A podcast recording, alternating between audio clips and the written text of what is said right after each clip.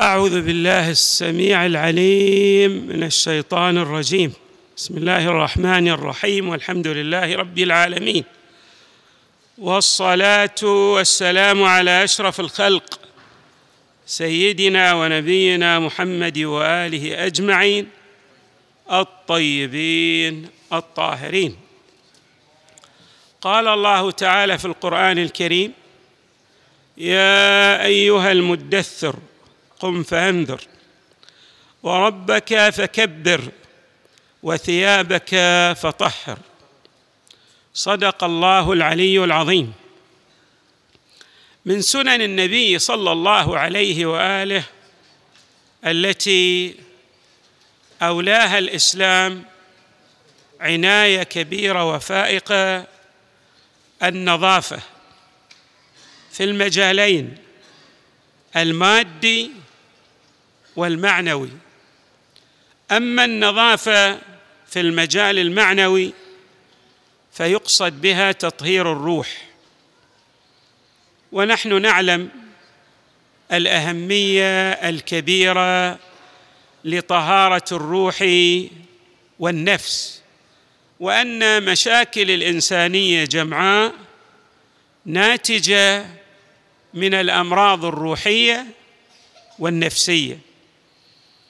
لا تجد اشكالا في العالم كله إلا وله جذر. آت هذا الجذر من الناحية الروحية أو النفسية.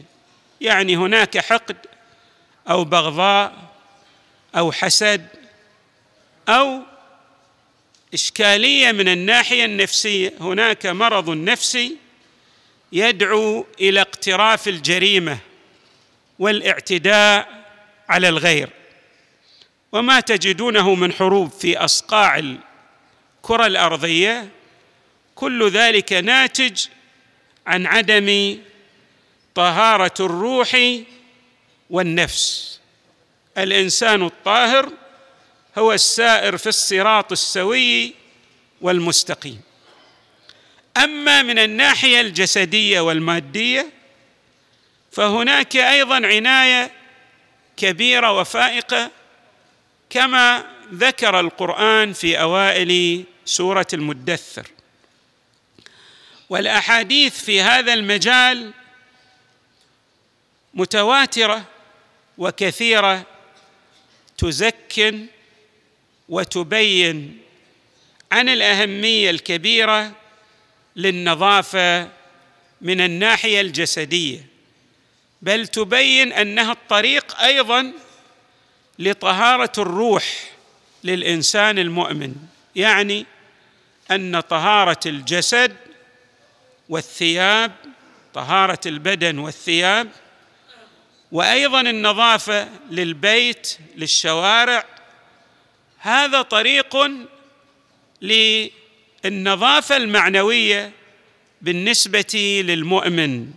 كما تفصح عن ذلك بعض الروايات. في الحديث النبوي الشريف إن الله طيب يحب الطيب نظيف يحب النظافة.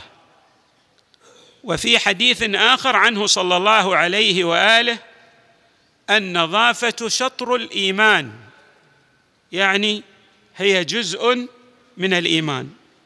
يعبر بالشطر ويراد به الجزء في بعض التعبيرات ويعبر أيضا بالشطر ويراد بها النصف الآخر من الإيمان أي للأهمية الكبيرة. وقد ورد عن إمامنا الرضا عليه السلام أن من أخلاق الأنبياء التنظف لا تجد نبيا إلا وهو نظيف. ليس النظافه فقط في نفسه والشفافية لروحه والتألق من حيث ارتباطه بالمبدأ الأعلى بل هناك أيضا مظهر خارجي يدلل على نظافته وحب الناس للتقرب منه. وأيضا في وصية إمامنا الكاظم عليه السلام لهشام بن الحكم يقول له معددا لجنود العقل إن من جنود العقل النظافة ومن جنود الجهل القذارة والوساخة. تجد بعض الناس لا يهتم بمظهره ولا يظهر بالهندام اللائق به. خصوصا إذا جاء إلى المساجد وإلى الحسينيات وإلى الأماكن العامة.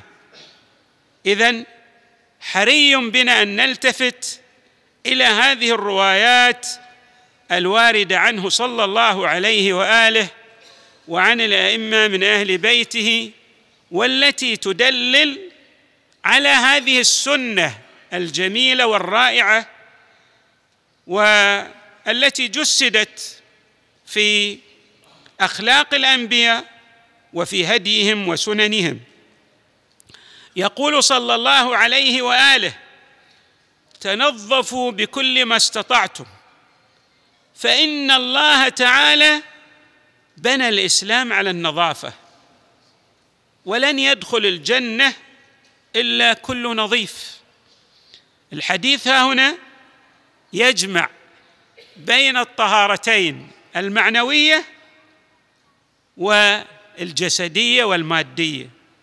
أي أن دخول الجنة يتطلب من الإنسان الطهارة المعنوية والتجرد عن الحقد على الغير وإيذاء الغير والإساءة إلى الغير.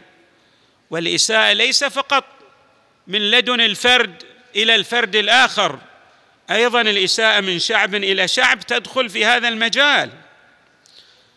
إذن هنا يشير إلى الجانب المعنوي وهناك أيضا إشارة إلى الجنب الماديه بقوله فإن الله تعالى بنى الإسلام على النظافة أي أن الشرائع السماوية تحض المتبعين لها على أن يظهروا بالمظهر الحسن الذي يجذب الناس إليهم ويقرب الخلق إلى الحق.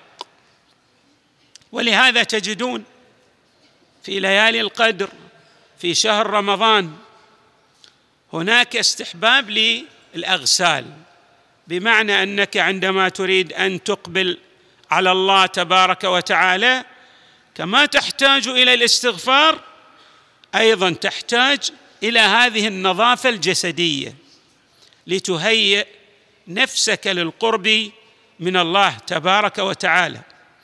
يقول صلى الله عليه وآله طهروا هذه الأجساد طهركم الله فإنه ليس عبد يبيت طاهرا إلا بات معه ملك في شعاره.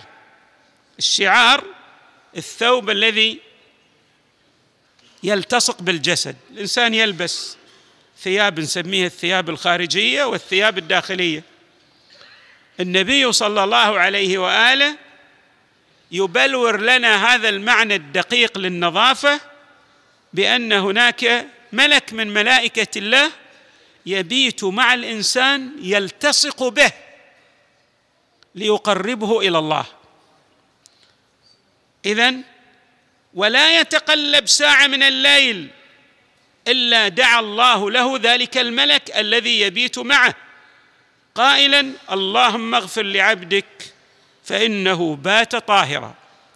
اذا حري بنا أن نقتدي بهديه صلى الله عليه وآله في النظافتين المادية والمعنوية لنقرب إلى الله ولنشكل أيضا مجتمعا يدعو إلى الخير والسلام والفضيلة والتقدم والرفاه من خلال هذا الهدي الذي جاء به الأنبياء وجسده الرسل والأنبياء والأوصياء صلوات الله وسلامه عليهم في مسارهم المادي والمعنوي. والحمد لله رب العالمين وصلى الله وسلم وزاد وبارك على سيدنا ونبينا محمد وآله أجمعين الطيبين الطاهري